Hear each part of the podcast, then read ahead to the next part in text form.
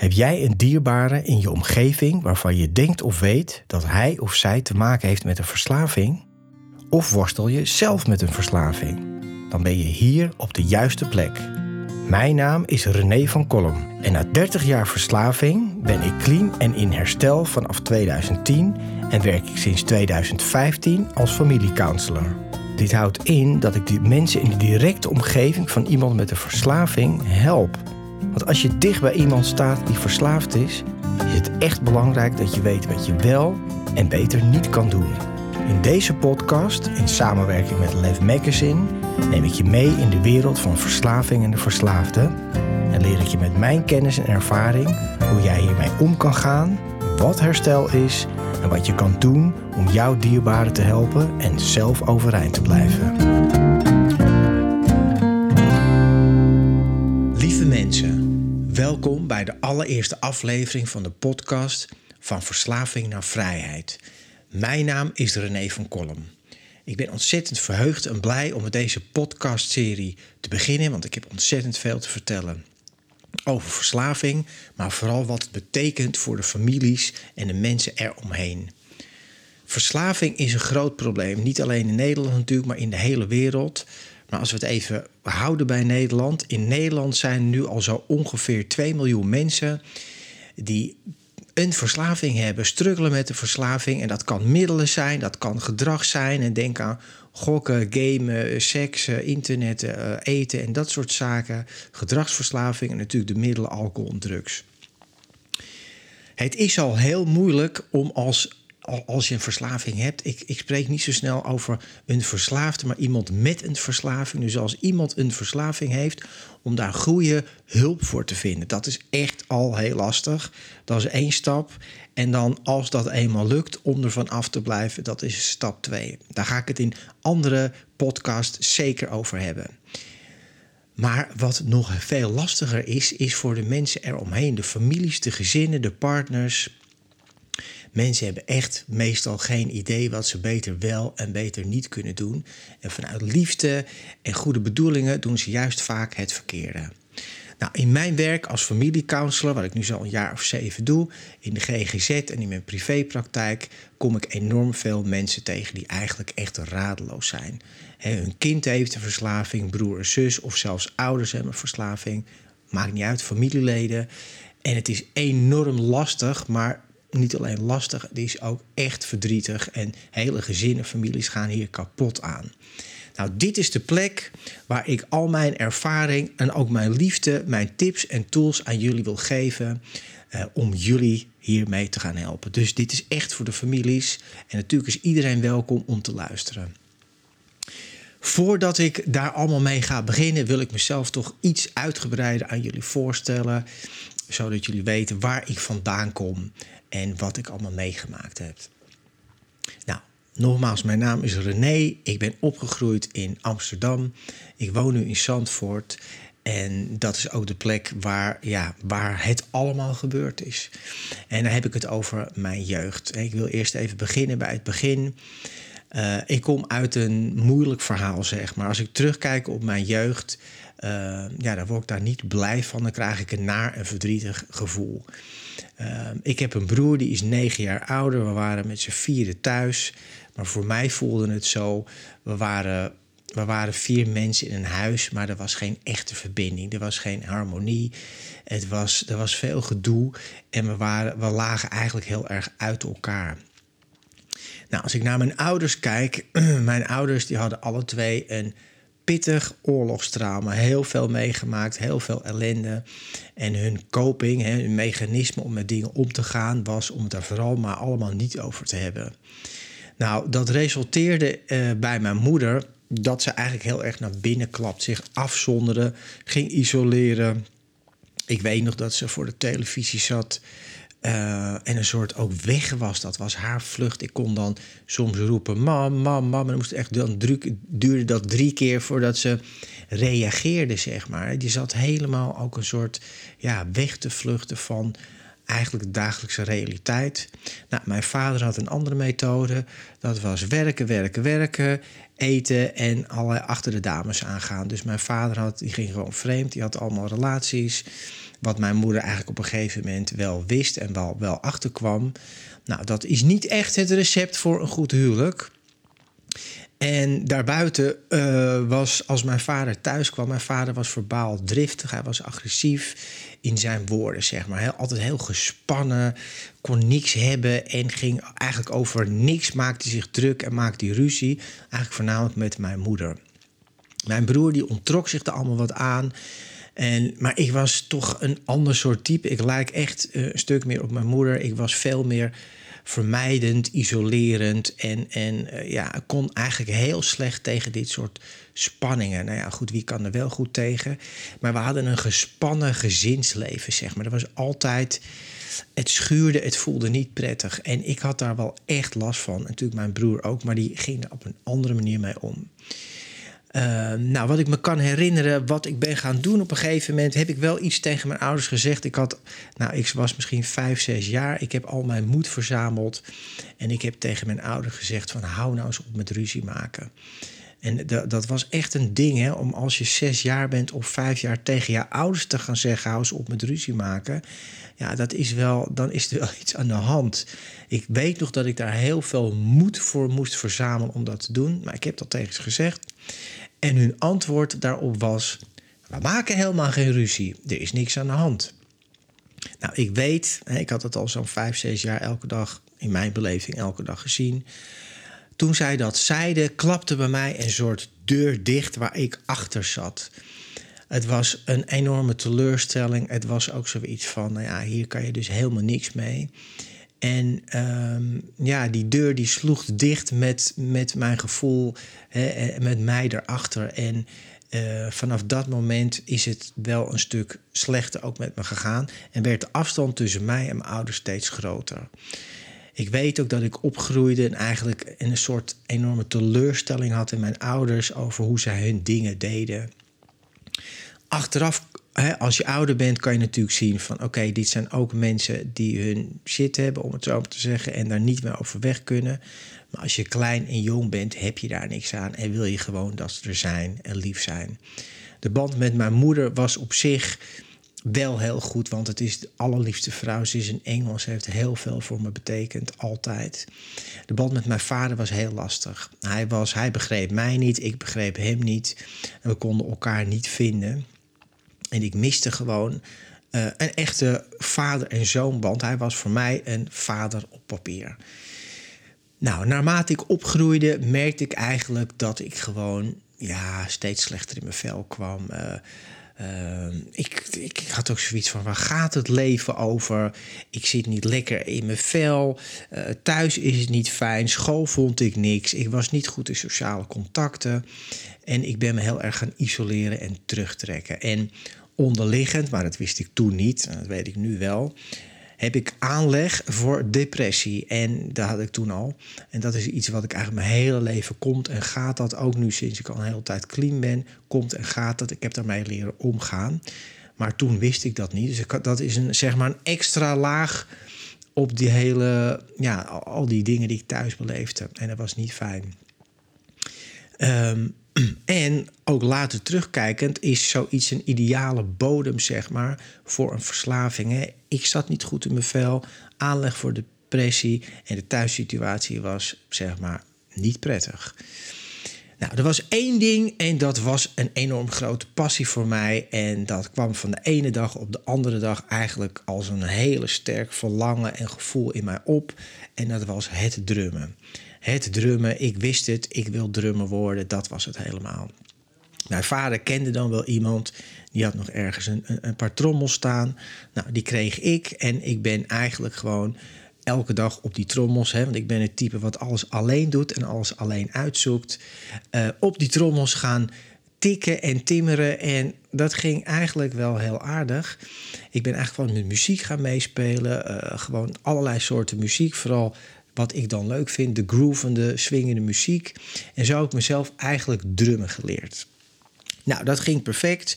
En ik merkte ook als ik aan het drummen was, ja, dan zat ik wel dan was dat mijn ja, veilige haven. Een, een, stukje waar je even weg kon zijn van alle gevoelens en ellende die eigenlijk het dagelijks leven voor mij inhielden. Want ik vond het enorm moeilijk, het leven en thuis en op school. Ik kon het niet vinden. Dus drummen was het helemaal. Maar ja, je kan niet de hele dag achter een drumstel zitten. Dus dat was ingewikkeld. Het leven erbuiten was voor mij erg ingewikkeld. Nou, ik weet dat ik uh, rond puberteit uh, aanvankelijk had ik geen interesse in alcohol en drugs. Wel eens wat geprobeerd, vooral alcohol, maar dat, dat, dat, viel me helemaal niet. Een keer met een vriendje een hele fles tequila leeg gedronken. Nou, daar was ik zo ziek van dat ik dacht van nou, bedankt en tot ziens.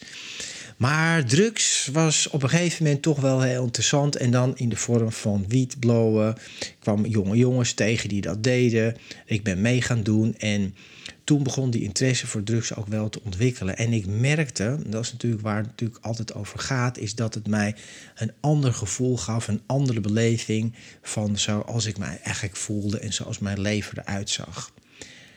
Het is natuurlijk onzin, want mijn leven was nog precies hetzelfde, alleen het, het voelde anders. Als ik onder invloed was, had ik er allemaal minder last van. Nou, en dat mechanisme dat heb ik wel opgeslagen. Dat er een manier is om door het leven te laveren, zodat ik minder last had en minder last heb van mijn dingen, maar ook wat ik tegenkom daarin. En eigenlijk onderliggend was ik een hele angstig, onzekere jongen die helemaal niet weet en wist hoe het leven werkt en hoe ook dingen moest aangaan in plaats van vermijden. Nou, ik groeide op en uh, ik blode eigenlijk regelmatig. Drum ging eigenlijk heel erg lekker. Uh, ik kwam op een gegeven moment allerlei steeds betere beentjes. En op een gegeven moment kwam ik in een beentje. Uh, dat was echt, wel, was echt wel goed, zeg maar. We waren jonge jongens, speelden lekker. We hadden wat, uh, wat, wat reggae-ritmes erin. En het was best een succes. We gingen voorprogramma's van Herman Brood doen. En allemaal bekende bands uit die tijd. En het ging eigenlijk super lekker. Ondertussen groeide mijn onderliggende zelfbeeld, uh, onzekerheid en depressie ook gewoon natuurlijk vrolijk door, zeg maar. en, en ging het echt niet beter met mij. Ik ben op een gegeven moment van mijn zestiende van school afgegaan. Want op school, ja, ik, ik, ik, ging wel, maar ik deed niks. Ik ben nooit de type geweest van de grote mond en heel lastig doen. Maar ik was meer type van ik ben er wel, maar ik ben er eigenlijk helemaal niet. En op school weet ik, ik, eh, ik keek naar buiten, ik keek naar de meisjes, dat was ook een interesse. En, en ik tekende drumstellen. Nou, dat is ongeveer mijn schoolcarrière. Kom je niet heel ver mee. Drummen was het helemaal. Dus ik besloot, ik ga van school af en ik ga me helemaal storten op dat drummen. Nou, was het bij ons thuis zo dat mijn ouders nooit op één lijn lagen wat betreft beslissing. Dus als mijn moeder nee zei, zei mijn vader ja of andersom. Nou, ik wilde van school, mijn moeder zei ja, is goed en mijn vader zei nee. Maar ik weet dat als dingen bij ons thuis gezegd werden, ja, dat sneed geen hout, dat maakte geen indruk en je wist gewoon dat ze eigenlijk hele, ja, het was een soort vrije, grenzeloze opvoeding. En zij wisten helemaal niet hoe zij de kinderen moesten opvoeden. Dat idee had ik eigenlijk al vrij snel. Dus ik kon heel erg ja, toch manipuleren. Uh, ik, ik, voelde ook altijd de ingang bij mijn moeder, want die wist natuurlijk, er was een slecht huwelijk. René heeft er last van. Dus dat werd heel gecompenseerd met mij mijn zin geven. Ik weet ook nog toen ik jonger was, als ik niet naar school wilde of ik was uh, zwak, ziek en misselijk. Nou, je hoeft niet, blijf maar lekker thuis. Ik werd eigenlijk enorm gepamperd, waardoor ik natuurlijk niet sterker werd, maar eigenlijk zwakker werd. Met alle goede bedoelingen valt mijn moeder daarin, maar het werkte niet. Nou, van school af drummen, drummen, drummen. Ging supergoed. En, uh, maar iets wat er ook in die tijd al gebeurde. Ik zal een jaar of nou, 17 zijn geweest, ergens achter in de 17, kwam ik op een gegeven moment jongens tegen die, uh, ja, die, die ook, maar die deden dat in een pijpje, dat was wiet, en die deden daar een paar korreltjes van interessant poeder bij. Nou, ik wist echt niks over drugs, behalve dat sommige drugs niet goed waren voor je. En, en mijn ouders hebben er ook eigenlijk, hadden daar geen kennis van. En ik wist het allemaal niet. Maar zoals zo vaak gebeurt, wat natuurlijk nu ook steeds gebeurt, is dat ik werd geïntroduceerd door harddrugs, door het echt het stevige werk, door mensen die ik goed kende, die ik vertrouwde, die er niet uitzagen als een zwerver op straat, zeg maar, om het maar even zo te zeggen. Dus het, het zag er vertrouwd uit. Het was zeg maar oké en het was interessant. Nou, dat zijn ingrediënten die je zeg maar nodig hebt tussen aanhalingstekens. wil zoiets kunnen, ja, wil zoiets kunnen pakken, wil zoiets kunnen werken. Op een gegeven moment heb ik een trekje genomen van wat de jongens rookten. Dat was inderdaad wiet met een paar korreltjes. Ik had begrepen dat het cocaïne was. En ik rookte dat. En nou ja, toen gebeurde er iets wat, wat je vaker hoort bij mensen met een verslaving. Het was een gevoel van thuiskomen. Die eerste keren, het was, nou, het, het was, en dit is absoluut geen reclame, mensen, maar het was, het was een geweldige ervaring op dat moment. Want in die onder invloed van die middelen voelde ik dat die hele 17 jaar van depressie, onzekerheid, waar gaat het leven over, het gedoe en het gezeik thuis, het was weg, het was opgelost. Alles was perfect. Het was een zwoele zomeravond in Zandvoort. Ik zat op het balkon, er was zo'n windje. En alles klopte gewoon in één keer. Alle radertjes draaiden op de juiste manier in mijn beleving natuurlijk. En in mijn naïviteit had ik ook zoiets. En dat is natuurlijk een bewust, onbewust proces. Dit is geweldig. Dit moeten ze gewoon door drinkwater gooien in Nederland. Want dit is de oplossing voor alles. Zo er, en dat klinkt belachelijk, maar zo voelde ik het echt op dat moment. Het was perfect. Ehm, nou, ik ging daarmee door, hè, dat af en toe uh, die korreltjes gebruiken, zeg maar, uh, dat poeder gebruiken, dat werd van af en toe tot vaker tot regelmatig. En op een gegeven moment begonnen toch dingen niet te kloppen. En die dingen waren dat ik hoorde van mensen, cocaïne is toch iets wat je meestal snuift en wit is. En wat ik deed was een soort bruisgrijn, uh, bruin-grijs poedertje, korrels en dat rookten wij. En op een gegeven moment, ik gaf toen die jongen altijd geld die dat voor uh, mij en ons ging halen. Het was een soort vriendengroepje. En op een gegeven moment dacht ik, ja, waar hij naar binnen gaat, dan kan ik zelf ook naar binnen. Dus ik ging als echt een broekie broekie van 17 jaar naar binnen in Amsterdam, ergens in Amsterdam-West. Nou, dan kwam ik een soort Wild West tafereel. Allemaal Surinaamse jongens die, uh, nou, het was een spannende, spannende film, zeg maar. En die verkochten eigenlijk twee kleuren en twee smaakjes. Dat was wit en bruin en dat is coke en heroïne.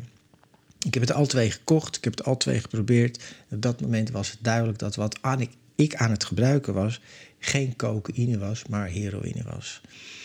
Nou, in al mijn naïviteit dacht ik van... Ik had natuurlijk wel eens gehoord, hè, heroïne, dat is bad news, daar moet je vandaan blijven. Maar in al mijn naïviteit en ja, waan van verslaving...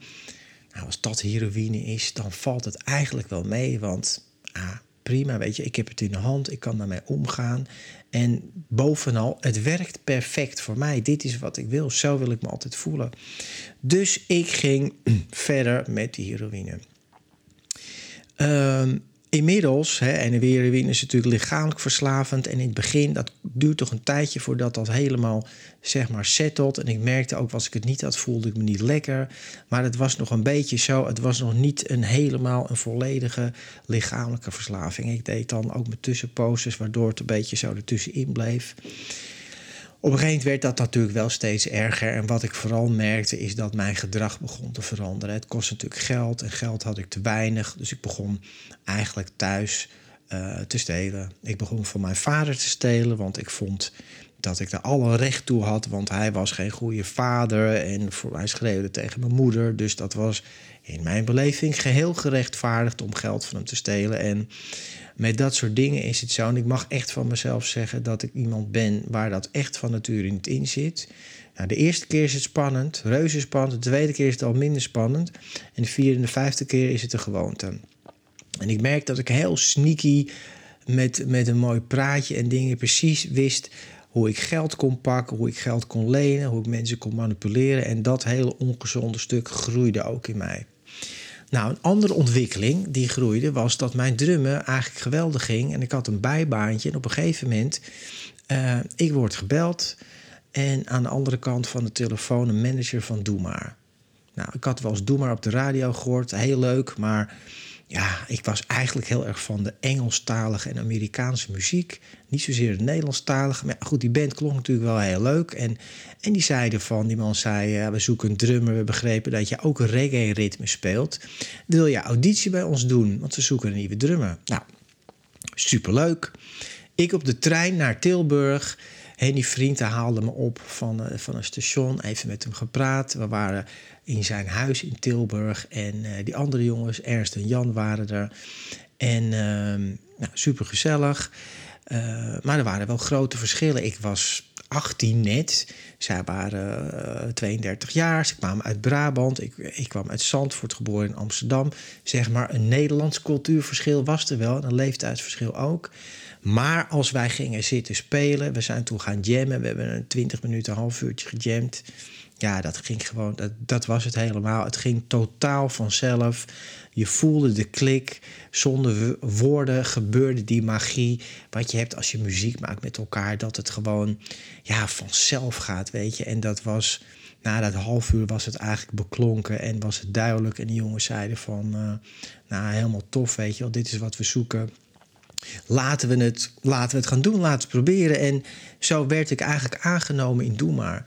Dus nou, hoe fantastisch was dat? Dat was een beginnende professionele band. Ze waren op de radio.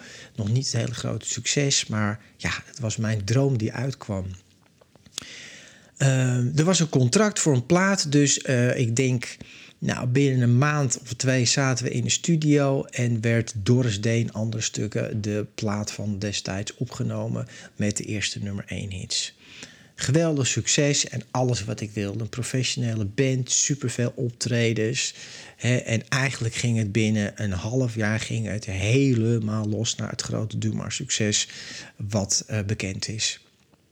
Wat ook helemaal los ging en minder groot succes was, was mijn verslaving ik kwam natuurlijk in die band al verslaafd. En ja, er werd zeker wat gebruikt. Er werd uh, gebloot en er was volgens een snuifje hier en daar en een drankje. Maar ik viel toch wel in een andere categorie. En dat is een categorie echt verslaafd. Ik was de enige die heroïne gebruikte. En ik weet dat jongens soms wel eens naar me keken. Met name Henny, die keek, die trok zo wel zijn wenkbrauw op van... wat is er met die Van? Die kijkt toch anders uit zijn ogen. Maar ja, zolang ik functioneerde als drummer en ik kwam en ik was er, ja, werd daar toch eigenlijk niks over gezegd en was dat ook niet duidelijk. En ik had het natuurlijk ook ontkend als dat uh, benoemd werd. Dus wij gingen doorspelen, uh, elke week optreden, zalen. En al heel snel was het het, eh, ongelooflijk bekende succes... Wat, wat, wat iedereen waarschijnlijk kent van Doe Maar. Uh, gillende meisjes, televisieoptredens... soms twee keer op een dag spelen en helemaal los. Nou, aan de ene kant fantastisch, aan de andere kant natuurlijk een recipe voor disaster voor mij. Ik was 18, ik was verslaafd, ik was nog steeds dat onzekere, angstige, depressieve jongetje. En dan in zo'n ja, zo'n succes komen, nou, ik kon daar natuurlijk compleet niet mee omgaan. Dus ik weet, achter de drumstel was ik altijd veilig en zat ik lekker. Daarbuiten zei Henny ook altijd, was een soort schichtige, angstige persoon. Eh, met mensen praten. Uh, alles was moeilijk voor mij. Dus het was spelen en daarna zo snel mogelijk weg. Ik was naar uh, Amsterdam, naar de Zeedijk. Daar waren toen alle drugs te vinden en gebruiken en verstoppen. En dat was eigenlijk een hele tijd zo mijn leven. Nou, ik verdiende echt heel leuk geld in Doe maar. Maar ja, mijn verslaving kostte altijd meer. En met geld omgaan was niet, toen niet een van mijn grootste kwaliteiten. Dus het was altijd sneller op dan ik het kon verdienen. Dus ik was ook op een gegeven moment begon ik daar met geld stelen. Uh, bij Henny. Maar, en dan natuurlijk niet zijn hele gage. Want ik sliep heel vaak bij uh, Henny thuis. Want ja, ik woon in, in, Amsterdam of in Zandvoort toen. En zij in Tilburg moesten veel spelen. Ik sliep bij Henny. En ik haalde dan zo heel sneaky een aantal briefjes weg. Zodat het net niet heel erg opviel. Waar het echt mis is gegaan, is dat ik op een gegeven moment gepresteerd op, op een fanclubdag. Waar je eigenlijk niet speelt, maar waar alleen maar fans komen voor handtekeningen en foto's. Om daarbij een uh, jonge dame, uh, eh, 50 guldens waren toen nog, uit haar tas te stelen. Uh, en dat heeft iemand gezien. En die heeft dat doorgegeven aan de band. Nou, we zijn inmiddels anderhalf jaar verder in het Doe maar verhaal. Maar dat werd natuurlijk doorgegeven. Dat werd doorgegeven aan de band. René Verkolm heeft gestolen van een fan. Nou, een grotere ja, lul kan je eigenlijk niet zijn om zoiets te doen op een fanclubdag. Maar zo, zo ver ging mijn verslaving. Hè. Alle grenzen gingen gewoon te buiten. Ik moest het hebben, wat, wie of waar dan ook. Maakte op een gegeven moment allemaal niks meer uit. En toen ik, toen ik daarmee geconfronteerd word met die actie... Uh, werden ze echt wel heel kwaad op mij. En heb ik inderdaad toegegeven: oké, ik heb een verslaving. En huilen, huilen, huilen van mijn kant. En, uh, maar ja, het was ook wel een soort van: ja, dit gaat niet meer, we moeten hiermee stoppen. Ik moet eruit. Ik kon het niet aan, het was te veel. En zij waren natuurlijk, en terecht, compleet hun vertrouwen in mij kwijt. Um, toen was het eerste moment dat ik eigenlijk de hulpverlening ben gaan opzoeken. En toen kwam ik in de gewone hulpverlening terecht. Nou, ik weet niet hoe het bij andere mensen is, maar mijn ervaring met de reguliere gewone hulpverlening, desondanks moet ik echt wel erbij zeggen, daar hele lieve, goed bedoelde mensen werken, maar mijn ervaring was gewoon heel zwaar kloten. Het, heeft, het hielp totaal niet. Het waren gesprekken van een uurtje in de week. Uh, waar wat heel erg was, toch wel pappen en nat houden. Er waren geen confrontaties. Er was op een gegeven moment zelfs zo van. Nou ja, als je de heroïne nou, hè, dan kreeg ik dan methadon mee, een soort regulerend middel. Maar als je af en toe bloot en na vijf uur middags en eens een keer een snuifje pakt, nou, dan was het allemaal wel oké. Nou, dat werkte voor mij helemaal niet, want zo werkt de verslaving ook niet. Nou, dit soort hulpverlening hè, en ook wel andere tactieken die er werden ingezet. Maar het was heel, ja, het was heel slap allemaal. Leefstijltraining. Allemaal dingetjes die eigenlijk geen echte hout sneden. En ik kreeg niet de hulpverlening die ik zocht. Aan de andere kant was ik zelf ook nog niet bereid om er echt voor te gaan. Nou, dat werkte natuurlijk alle twee niet goed samen. En wat ik toch wel heel erg vroeger altijd dacht hè, met de verslaving, en dat dacht mijn, mijn gezin, hè, mijn, mijn broer en mijn ouders natuurlijk ook, van ja, op het moment dat je stopt, ja, dan is het probleem over, want dan gebruik je niet meer en dan is het voorbij. Nou, dat is niet helemaal zoals het werkt. En dat is ook iets waar ik me heel erg in vergist heb. Ik denk dat ik wel twintig keer ben gestopt, misschien wel, wel 50 keer. Uiteindelijk, ik denk zeker dat ik tussen de 10 en 20 keer in een detox ben geweest. Is een soort ontgiftingskliniek waar je dan 10 dagen zit, waar eigenlijk geen echte therapie gebeurt, maar waar je ja, ontgift van je middel en clean naar buiten gaat.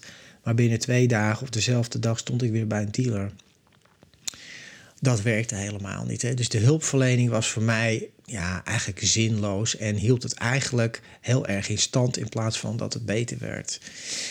Nou, voor mijn, voor mijn familie en voor de mensen, ik had natuurlijk ook een vriendin, was ik gewoon absoluut een ramp. Ik was een terrorist. Ik was, er was niets met mij te beginnen. Ik loog, ik steel, ik was compleet onbetrouwbaar. En vooral wat ik ook merkte is uh, er was, ik was al niet uh, het type wat heel actief was en heel veel voor mensen klaar stond. Hè, het was altijd van moet het nu en kan het ook niet morgen, liever lui dan moe. Maar mijn egoïsme, dat werd eigenlijk nog veel erger. Dus het ging, alleen maar over mij, mij en ik en ik. En hoe ik mijn zin kon krijgen en hoe ik de verslaving in kon kon houden. Nou, dat heeft natuurlijk niet geholpen in alle sociale contacten. En ik weet dat mijn, mijn omgeving, mijn moeder, mijn vader, die werden echt radeloos hiervan. Maar mijn, mijn vader, ja, die keerde zich op een gegeven moment echt wel van mij af. En die zei op een gegeven moment, waarom doe je dit? En je moet ermee stoppen. Het is afgelopen. Dan had hij zo wat van dat soort uitspraken. Maar dat was, ja, hij wist ook niet wat hij moest doen. En mijn moeder was iemand die in alle goede bedoelingen overal mee naartoe ging. Rijden naar deze hulpverlening, rijden naar die hulpverlening, naar de psychotherapeut, de hypnotiseur, de gewone hulpverlening. Noem het maar op, we hebben het allemaal geprobeerd en het werkte allemaal niet. Er werden ook nooit grenzen aan mijn gedrag gesteld. Nou, ik wil u een heel deel ook besparen, want mijn verslaving heeft 30 jaar geduurd. En 30 jaar is een hele, hele lange, droevige, eenzame, zware tijd geweest. Voor mij, maar ook voor de mensen die van mij houden. En uh, ja, wat er eigenlijk gebeurde is, die verslaving werd steeds erger. Uh, ik ging steeds meer over grenzen heen, tot echt wel ook inbreken en dealen. Ik, ik heb zeg ik altijd, op alle politiebureaus in Amsterdam gezeten. Maar dat is natuurlijk niet iets om trots op te zijn. Ik was ook een, een sukkel van een inbreker. Want ik viel in slaap in, in, op zolderkamer bij iemand als ik had ingebroken. De politie stond al in de tuin voordat ik, uh, zeg maar, als ik koud vijf minuten binnen was. Ja, ik was gewoon totaal de weg kwijt. Het, het, uh, hè, en maar ja, het is voor mijn omgeving en voor mijn moeder echt een nachtmerrie geweest. Echt een nachtmerrie geweest. En die is radeloos geweest van, van pijn en verdriet. Ik weet toch ook wel iets wat, wat ik nu ook toch wel zie, wat ik altijd had, was van dat ik me toch voelde van uh, dat toegeven van een verslaving, dat vond ik toch heel lastig. ik heb het wel, maar ik heb het ook ergens niet. En als ik ermee stop, ik kan het toch in de hand houden. En ik voelde ook ergens, wou ik toch niet helemaal, helemaal ermee stoppen. Dus zoiets als blowen, dat wou ik nooit opgeven. Dus ik ben altijd, als ik dan zeg maar clean was tussen aanhalingstekens van heroïne, dan was blowen bleef altijd bestaan. Nou, dat werkte natuurlijk niet. Um, mijn drumcarrière ging eigenlijk ook toch steeds verder. Ik heb met heel veel fantastisch mooie mensen gespeeld. Uh, heel veel sessies gedaan met, met Treintje en, en Candy Dulver en dat soort mensen. Allemaal fantastische bands gespeeld van die tijd. Heel veel leuke dingen beleefd. Maar het ging altijd, ik bouwde altijd alles op en ik ging mijn best doen. Ik sporten en vitamines eh, naar binnen en clean blijven tot een bepaald punt. En dan klapte het altijd weer in, omdat hoe ik moest leven, dat wist ik niet en daar kwam ik niet uit. Wat er op een gegeven moment gebeurde, uh, was dat mijn vader, ik kreeg helemaal op het einde van, uh, van zijn leven pas een goede band met hem. En dat gebeurde omdat mijn moeder een grens stelde. Mijn moeder zei tegen mijn vader van, ik ben klaar met jou. En op dat moment is mijn vader echt gaan veranderen. Hij had dat ook nodig. En vanaf dat moment kreeg ik ook een andere band met hem. Hij werd zachter, hij werd opener, hij werd liever. En ik heb voor het eerst heb ik hem echt een kus kunnen geven. Nou, eigenlijk nou, vanuit mij dan, hè, vanuit alle jaren. En ik was toen al een jaar of 29, richting 30. En onze band werd eigenlijk beter. En ik kan me nog herinneren, we waren in Tuschinski, het filmtheater in Amsterdam. Dat was natuurlijk mijn vader zijn werk. Hij was daar bezig met interviews en er waren camera's en gedoe. En ik loop daar rond en op een gegeven moment komt er iemand naar mij toe. Er is iets met je vader. En ik ging naar hem toe. Ik voelde al eens foute boel. Hij lag op de grond. Hij had een hartstilstand gehad. En hij was gewoon overleden. Midden tussen allemaal mensen en camera's en toestanden. Nou, dit was hartverscheurend voor mij. Omdat ik had eigenlijk zo'n vader gemist. En daar was hij dan. Maar hij was er dus niet meer. En uiteindelijk werd onze band...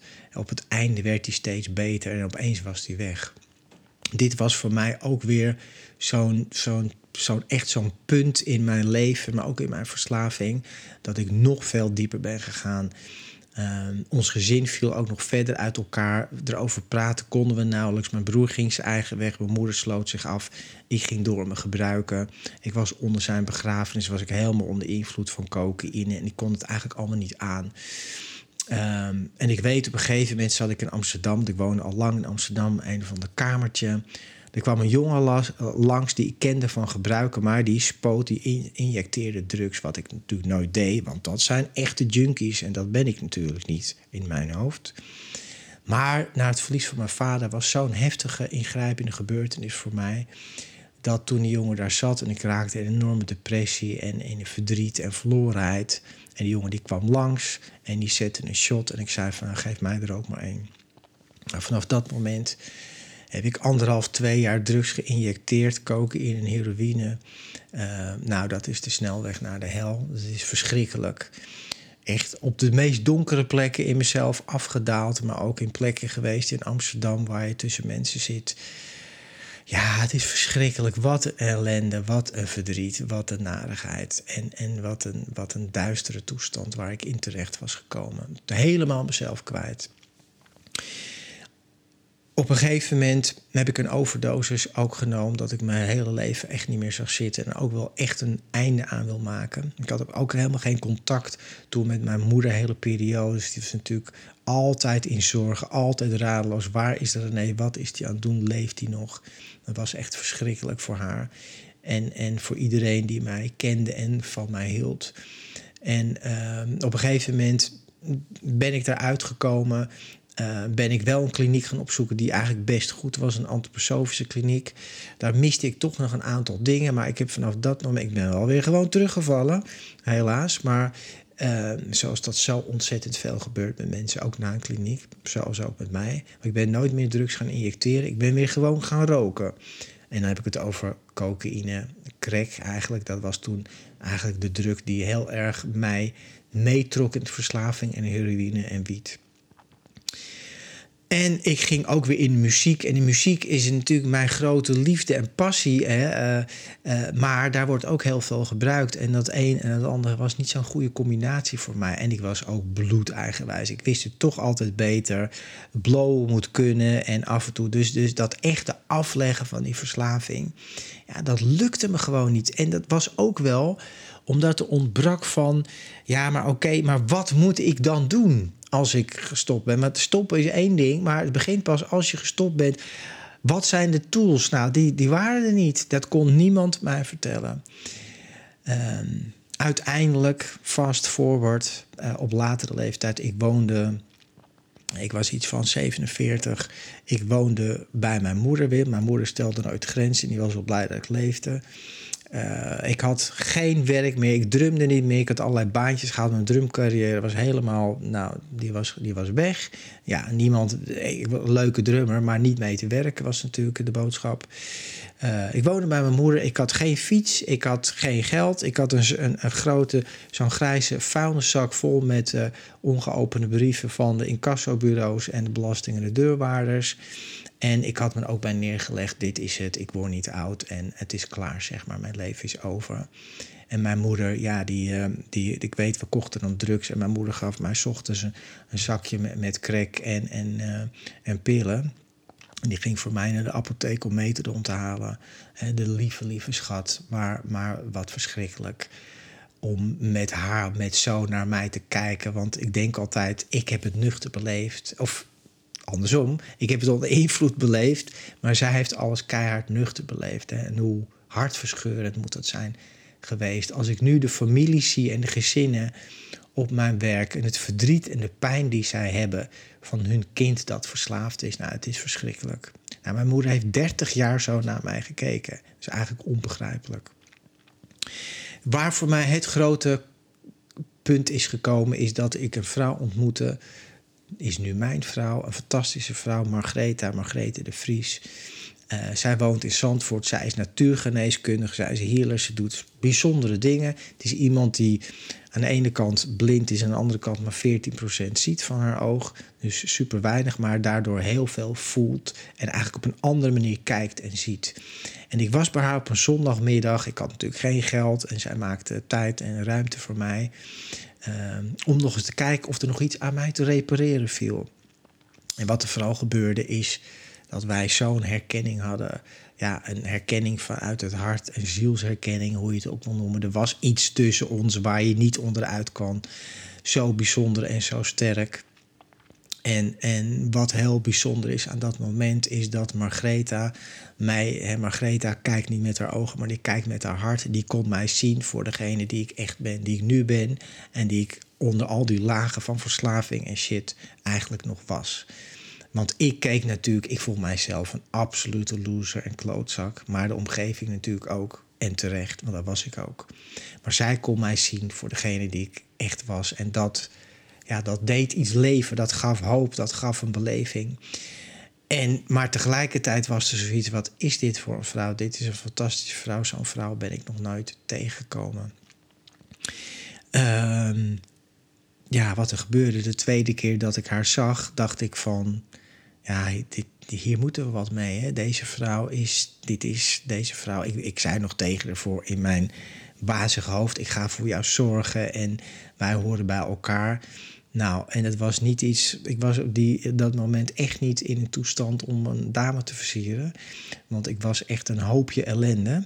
Maar het kwam wel ergens vanuit mijn diepte, vanuit mijn hart, dat ik dat zo voelde. En zij is een alle super lieve vrouw. Ze heeft een goede praktijk gebruikt, geen drugs, clean. Dus het was voor mij een ontzettende upgrade. Zo'n fantastische, mooie vrouw, een geweldige vrouw, een hele lieve vrouw, een bijzondere vrouw.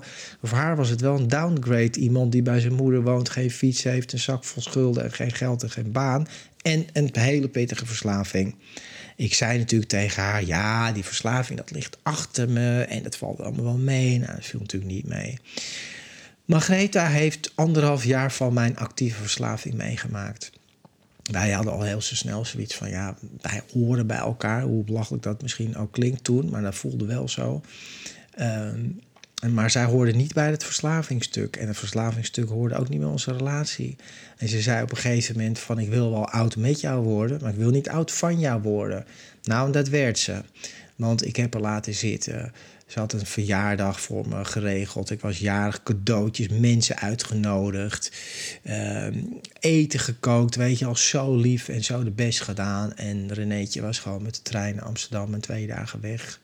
Telefoon uit, niet bereikbaar, niet vindbaar. En ja, ik was, als ik als het gebruiken was in verslaving, ik was gewoon absoluut een lul, een egoïst. En gewoon niet te vinden. En mijn verslaving ging voor alles, voor alles, voor alles, voor alles.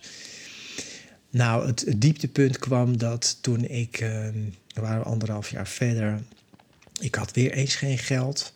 En uh, ik moest gebruiken en ik zou gebruiken. En een stem in mij zei: Margreta, die heeft sieraden in haar kledingkast. Dat had ik een keer gezien ergens, ergens in een vakje opgeslagen. En ik wist dat daar sieraden lagen. Ik ben naar boven gegaan. Ik heb haar sieraden gepakt. Ik heb ze in mijn onderbroek verstopt, zodat ze dat eigenlijk niet kon zien. En dat het ook niet rammelde. Ik was altijd heel manipulerend, bedacht en sneaky bezig om dingen te stelen en te doen. En, maar dat waren sieraden van haar overleden vader, waar zij een hele bijzondere herinnering aan heeft aan deze man en wat haar gegeven heeft. En de trouwding van de moeder die bij ons lag. de meest waardevolle, kostbare, emotionele waarde voor Margrethe, haar sieraden. Ik heb ze meegenomen, ik ben naar het pandjeshuis gegaan en ik heb het verkocht en ik heb een dealer en ik ben keihard gaan gebruiken. Nou, dat was het moment dat Margrethe echt een grens heeft getrokken en, en ze heeft me, ik zat toen bij mijn moeder s'avonds weer, eh, of twee dagen daarna, toen ik helemaal uitgeranceerd en helemaal doorgedraaid thuis kwam. Ze heeft een e-mail geschreven van de hemel huilt en mijn hart huilt. Wat je mij hebt aangedaan en je maakt onze liefde kapot. En dat hakte er heel erg, het hakte nog steeds als ik het nu zeg, maar het hakte er heel erg in. En dat heeft me zo geraakt dat ik eigenlijk zo zo'n lieve vrouw zoveel pijn heb gedaan en haar, eigenlijk ook ja, kwijtraakte. Eh, op dat moment was mijn moeder, mijn moeder zag ook hoe lief en bijzonder Margrethe was. Die heeft toen ook gezegd van, ja, dit gaat zo veel te ver. ik, ik stel ook die grens en het is, je gaat eruit René, je gaat nu echt afkicken en clean worden. Want ik had in die anderhalf jaar alweer een paar pogingen gedaan die natuurlijk niet werkten. Je had het weer half zacht gedaan op 60% en dat werkt niet. Je gaat het nu niet 100%, maar 120% doen. En dan helemaal en blijvend, anders gaan echt de deuren dicht. Dat is voor mij het punt eigenlijk geweest wat ik ook nodig had. Ik wist als ik. En ik wist ook dat ze het meenden. Want daarvoor werd wel eens dingen gezegd, maar die waren. En die voelde je dan niet. Toen ze het echt meenden, toen ben ik ook bij dat punt gekomen van ja, het is nu of leven of het is dood. Het is of liefde of het is naar de verdoemenis. En ik ben toen ook voor het eerst naar een echte goede kliniek geweest. Een 12-stappen kliniek. Waar, daar kom ik in andere podcast, daar kom ik daarop terug. Wat is het 12-stappen programma? Het is een supermooi programma. Er wordt gewerkt met ervaringsdeskundigen. Die me echt de spiegel ook voorhielden. Want het was vroeger allemaal... Het lag natuurlijk niet aan mij. Het was mijn ouders en de wereld en dit en dat. Alles was ingewikkeld. Maar natuurlijk ligt het aan mij en het ligt vooral ook in mij maar oké, dat is één ding. Maar wat is. er moet een methode zijn om clean te blijven. Clean worden is één ding wat al heel lastig is. Maar clean, clean blijven was voor mij onmogelijk. Dat heb ik daar geleerd. En het was, het was vreselijk. Het was, ik was niet gemotiveerd. Ik had nul, nou min 100 zelfvertrouwen. Na 30 jaar verslaving was dat helemaal weg. En lichamelijk was ik kapot. Ik kon niets aan, niks werkte meer. Mijn geheugen was stuk. Mijn zenuwstelsel was afgetakeld. Ik was een oude man eigenlijk. Ik was, ik was klaar, ik was op. Dus ik ben echt centimeter voor centimeter, dag voor dag, met volle tegenzin en geen motivatie, ben ik maar gaan doen wat die mensen daar zeiden. En er doorheen gegaan. En dat precies is wat ik nooit deed. Ik ging nooit ergens doorheen. Ik ging er altijd omheen, de onderdoor, links, rechts, onderboven, maar niet er doorheen. Want dat is pijnlijk en dat is lastig. voor mij is herstel wat dat betreft ook een volwassenwordingsproces. Door dingen heen gaan, verantwoording nemen en, en het leven aangaan zoals het is. Nou, onmogelijk te doen voor mij vroeger. Ik ben dat gaan doen nogmaals, het was echt, echt heel zwaar. En ik die kliniek gedaan. Ik ben toen aan Safe House geweest in Amsterdam. Dat is ook geweldig. Heb ik echt een super goede begeleiding gehad. Op een gegeven moment, een aantal maanden. Ik dacht natuurlijk al vrij snel. Ja, ik kwam weer naar huis, alles opgelost. Nou, Margrethe zei, nou, ik dacht het niet. Laten we rustig aandoen. Ik wil het echt, ik wil het zien. En niet, niet paar weken of twee maanden, maar ik wil echt zien dat je het kan. Dus ik kreeg een, eh, via een goede vriend een anti-kraakwoning in Amsterdam perfect voor mij. Er zat geen verwarming in. De wind ging door de ramen heen. er zaten gaten in de muren. En dat was voor mij perfect. Want ik ben een hele opgegroeide, verwende jongen... die altijd maar alles kreeg. Alles werd betaald, alles werd gefixt. En nu was het gewoon down to the ground... door de shit heen en gewoon onderaan de ladder beginnen perfecte training voor mij. En ik ben dat gaan doen. Ik ben de meetings gaan volgen van het 12-stap-programma. Ik heb het echt zwaar gehad. En ook dat was goed voor mij. En zo dag voor dag voor dag ging dat steeds beter. En begon ik ook te geloven van... hé, hey, ik kan het wel. En, en het lukt wel. En ik voel me wel slecht. En ik voel me kloot. En ik voel me waardeloos af en toe. Maar dat hoort erbij. En ik ga er doorheen. En die fantastische vrouw, die Margrethe, die was nog ergens. En ik zag mijn moeder natuurlijk gelukkig worden. Ik zag andere mensen die weer wat hoop begonnen te krijgen. En vooral ik zelf kreeg hoop, omdat ik zag bij de meetings van het 12-stappenprogramma... dat er was iemand een half jaar clean, er was iemand een jaar clean... er was iemand drie maanden clean. En ik dacht, hoe kan dat? Want ik heb alleen maar mensen gezien waarbij het altijd niet werkte... die altijd maar terugvielen of van de ene pil naar de andere pil gingen. Daar werkte het. Nou, dat is fantastisch. Nou, het wonder geschiedde. Ehm, ik werd clean en ik bleef clean. En na anderhalf jaar werd ik opeens gebeld door Mojo uh, met de vraag van... hey René, heb jij zin om bij Doe Maar terug te komen? We hebben Symfonica en Rosso. Dat zijn geweldige concerten met een orkest erbij. Wil je komen drummen? Nou, dat was natuurlijk gewoon dat kan je niet bedenken. Een film. He, anderhalf jaar daarvoor was ik, had ik niks. Woonde ik bij mijn moeder. Dacht ik dat ik dood ging gaan. En na anderhalf jaar werd ik teruggevraagd in die band. Met die jongens. Met, met Henny, uh, Ernst en Jan. En is zat ik in 2012 op dat podium. Symfonica Rosso. 80 man orkest achter me. Er was een hele grote zaal in Gelderdoom. Er zitten 32.000 mensen in die band voor me achter een drumstel ja, eigenlijk kan dat niet. Als je het, als je, als je het zegt, is het een soort Hollywoodfilm die denk je, nou, het gaat een beetje te ver. Maar dit is wel zoals het gegaan is. En dat is ook wat, wat het harde werken en, en doorzetten en de liefde mij heeft, heeft gegeven en gebracht.